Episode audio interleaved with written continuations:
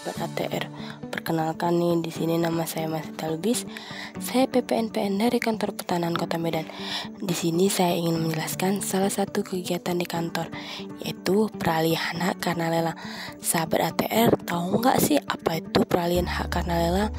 Nah, di sini saya mau menjelaskan bahwa lelang adalah proses membeli dan menjual kepada penawar untuk menawarkan tawaran harga tertinggi.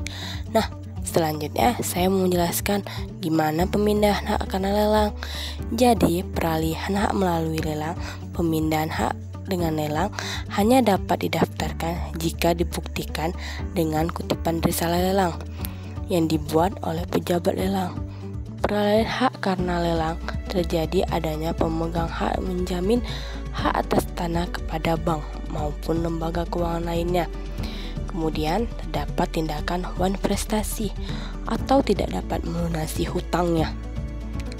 Baiklah, di sini saya akan menjelaskan apa saja persyaratan untuk peralihan hak karena lelang.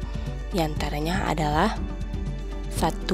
Sertifikat asli 2. Risalah lelang 3. Penyerahan bukti pelunasan lelang 4.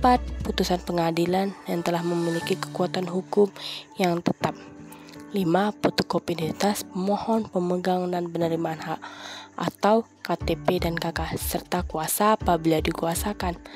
6. Fotokopi akte pendirian dan pengesahan badan hukum. 7. Surat kuasa apabila dikuasakan.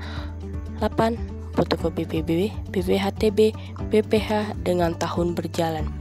9. Formulir pemohon yang sudah diisi dan ditandatangani pemohon atau kuasa di atas materai. Sudah cukup penjelasan sahabat ATR BPN untuk memohon dan persyaratan. Saya Mas Talubis, PPNPN dari Kantor Pertahanan Kota Medan undur diri. Tetap nantikan podcast selanjutnya dari teman-teman saya. See you next time.